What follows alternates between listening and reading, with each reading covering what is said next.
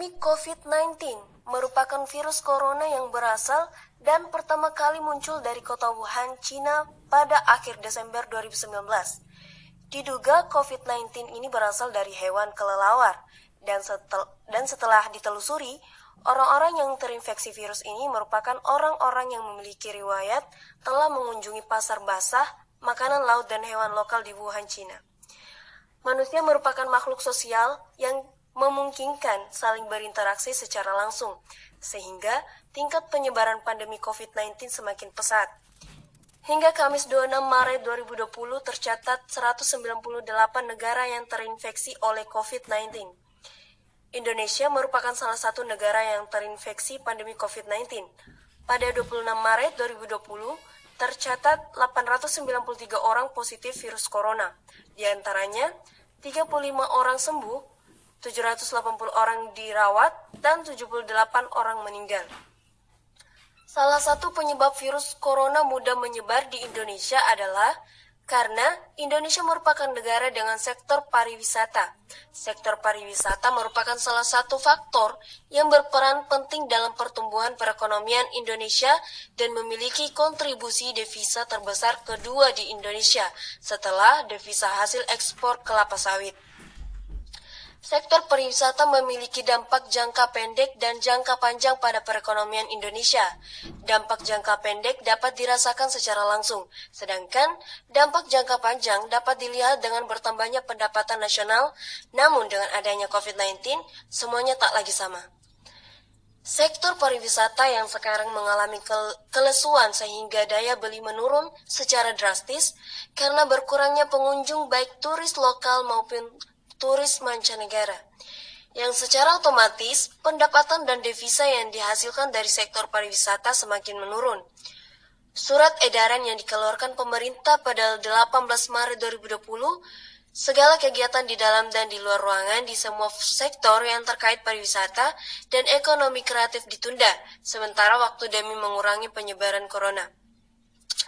Hal ini mengakibatkan sektor pariwisata menjadi lumpuh sementara, sehingga pengangguran semakin bertambah karena pariwisata merupakan salah satu wadah yang memberikan lapangan pekerjaan bagi masyarakat sekitar tempat wisata maupun masyarakat dari luar.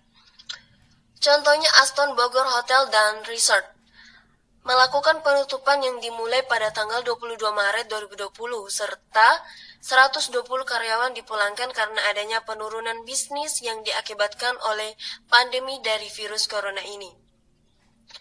Bukan hanya sektor pariwisata yang mengalami kelumpuhan sementara, tetapi para karyawan dari jenis perusahaan lainnya ikut merasakan dampak dari pandemi COVID-19, yang di mana Pekerjaan atau kegiatan yang biasanya dilakukan di luar rumah secara langsung sekarang terpaksa harus dilakukan di dalam rumah. Serta ada banyak pula karyawan yang terancam pemberhentian hak kerja atau biasa disebut dengan PHK karena banyak pekerjaan yang tidak memungkinkan untuk dikerjakan di rumah, seperti halnya kegiatan produksi yang bergantung pada mesin yang berada di tempat produksi. PHK ini juga dilakukan karena kurangnya pembelian dari konsumen dan dibatasinya ekspor ke negara tertentu sehingga akan menghambat ekspor dan mengurangi pendapatan perusahaan. Bahkan, perusahaan bisa mengalami kerugian. Adapun penyebab lain dari di PHK-nya para karyawan yaitu karena kelangkaan bahan baku untuk diproduksi yang diimpor dari negara luar seperti dari negara Tiongkok, sehingga akan menghambat kegiatan industri. Perusahaan yang berhenti beroperasi dan peningkatan jumlah angka pengangguran dapat menghambat dan mengurangi produk domestik bruto serta menghambat pertumbuhan ekonomi Indonesia. Presiden Indonesia Joko Widodo atau Jokowi mengungkapkan alasan mengapa tidak mengeluarkan kebijakan lockdown dalam pencegahan penyebaran COVID-19. Kemudian ada yang bertanya kenapa kebijakan lockdown tidak kita lakukan. Perlu saya sampaikan, setiap negara memiliki karakter berbeda-beda, budaya berbeda-beda, kedisiplinan yang berbeda-beda. Oleh karena itu, kita tidak memilih jalan itu. Kata Jokowi saat memberikan pengarahan kepada gubernur se-Indonesia melalui video conference Selasa 24 bulan 3 2020. Presiden Indonesia tidak mengeluarkan kebijakan lockdown bukan tanpa alasan. Menurut beliau, setiap negara memiliki karakter dan budaya yang berbeda-beda. Beliau juga mengaku telah melakukan kalkulasi dan analisis yang matang terhadap negara-negara yang melakukan kebijakan lockdown. Kebijakannya seperti apa semua dari Kemenlu dan Dubes yang ada terus kita pantau setiap hari. Jadi yang paling pas di negara kita Physical distancing menjaga jarak aman, jelas dia. Kalau itu bisa kita lakukan, saya yakin kita bisa mencegah penyebaran COVID-19 ini, sambung Jokowi. Jika Presiden mengeluarkan kebijakan lockdown, maka akan berdampak besar pada pertumbuhan perekonomian Indonesia. Hal ini disebabkan oleh kegiatan perekonomian yang akan berhenti secara besar-besaran. Sebagai gantinya, pemerintah juga mengeluarkan kebijakan lainnya seperti belajar, bekerja, dan beribadah dari rumah untuk menekan penyebaran COVID-19. Meskipun kebijakan tersebut diberlakukan, namun masih ada saja masyarakat yang menyalahgunakan kebijakan ini, seperti kegiatan belajar dan bekerja di rumah digunakan untuk berlibur di luar kota. Sehingga penyelewengan kebijakan ini dapat memperluas dan mempercepat penyebaran virus corona baik dari disebarkan oleh para pengunjung kepada masyarakat setempat maupun yang disebarkan oleh masyarakat setempat kepada para pengunjung. Sebagai warga negara yang baik dan patuh pada pemerintah dan aturan kita hanya perlu disiplin terhadap kebijakan social distancing dan physical distancing jaga jarak aman untuk meminimalisir penyebaran COVID-19 dan perekonomian Indonesia cepat pulih kembali.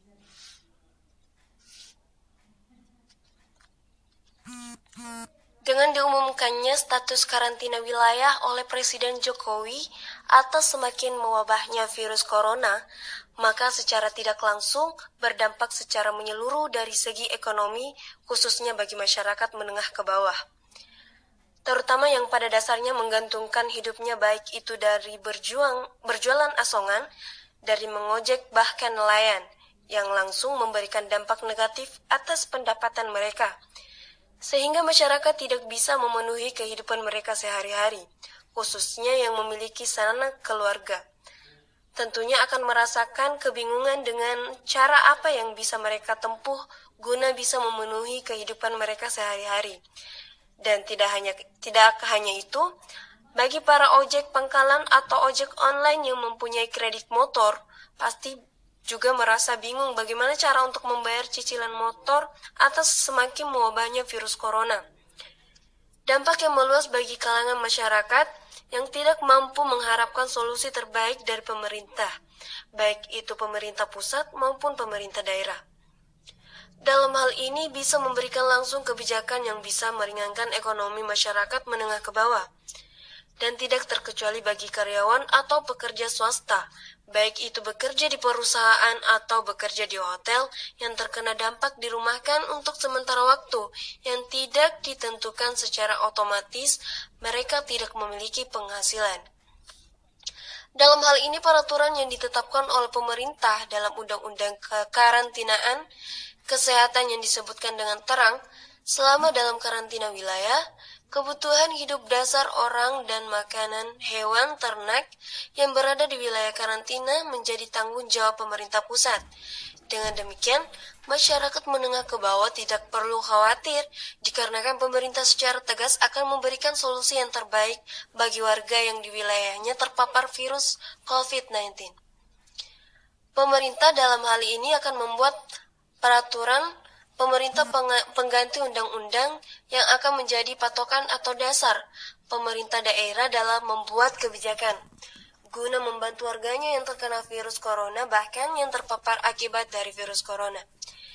Di mana ada jaminan dari pemerintah daerah dalam memberikan bantuan, baik itu berupa bantuan logistik, makanan, atau bantuan uang bagi masyarakat yang tidak mampu, sehingga mereka bisa memenuhi kehidupan sehari-hari. Namun, yang menjadi skala paling prioritas bagi pemerintah adalah bagi mereka yang memiliki perekonomian menengah ke bawah. Bantuan berupa logistik, baik itu sembako, keperluan hidup sehari-hari, ada juga bantuan berupa uang yang diberikan langsung oleh pemerintah dalam, dalam hal ini pemerintah daerah, sehingga kesejahteraan hidup masyarakat bisa terjamin. Tidak ada lagi kecemasan bagi masyarakat.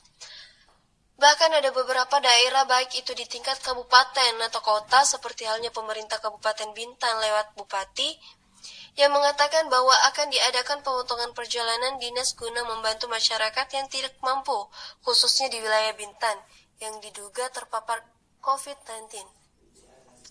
Ini jelas menjadi gambaran untuk kita semua, khususnya masyarakat yang tidak mampu, untuk tidak panik atau khawatir, di mana pemerintah pusat atau daerah akan selalu memberikan solusi yang terbaik dan selalu sigap dan siap dalam mengatasi permasalahan yang ada di masyarakat. Pemerintah pusat juga akan memberikan relaksasi bagi para masyarakat yang memiliki kredit baik itu kredit UMKM dan KUR untuk menangkal efek negatif pandemi corona bagi perekonomian, khususnya bagi usaha mikro. Pemerintah telah memberikan sejumlah keringanan.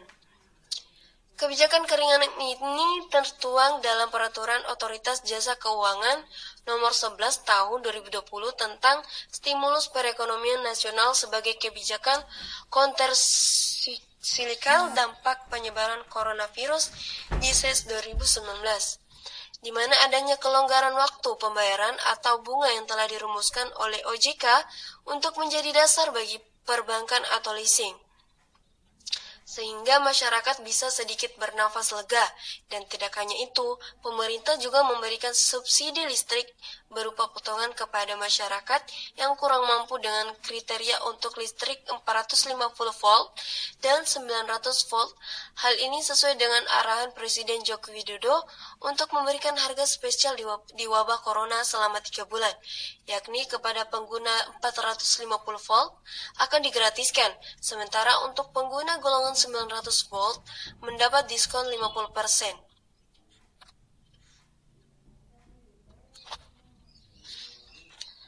Berdasarkan asesmen dengan skenario terburuk Indonesia akan mengalami pelambatan ekonomi hingga minus 0,4 persen. Selain sedang berusaha menghadapi penyebaran virus corona di dalam negeri, Indonesia tidak dapat lepas dari dinamika perekonomian global.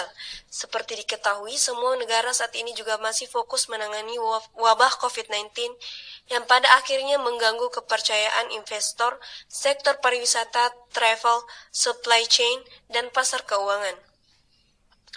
Menteri Keuangan Sri Mulyani bersama Komite Stabilitas Sektor Keuangan yang terdiri dari Kemenkeu, BOJK, dan LPS melakukan asesmen untuk memperkirakan skenario berat dan terberat yang mungkin akan kita hadapi akibat dari dampak COVID-19 pada ekonomi Indonesia.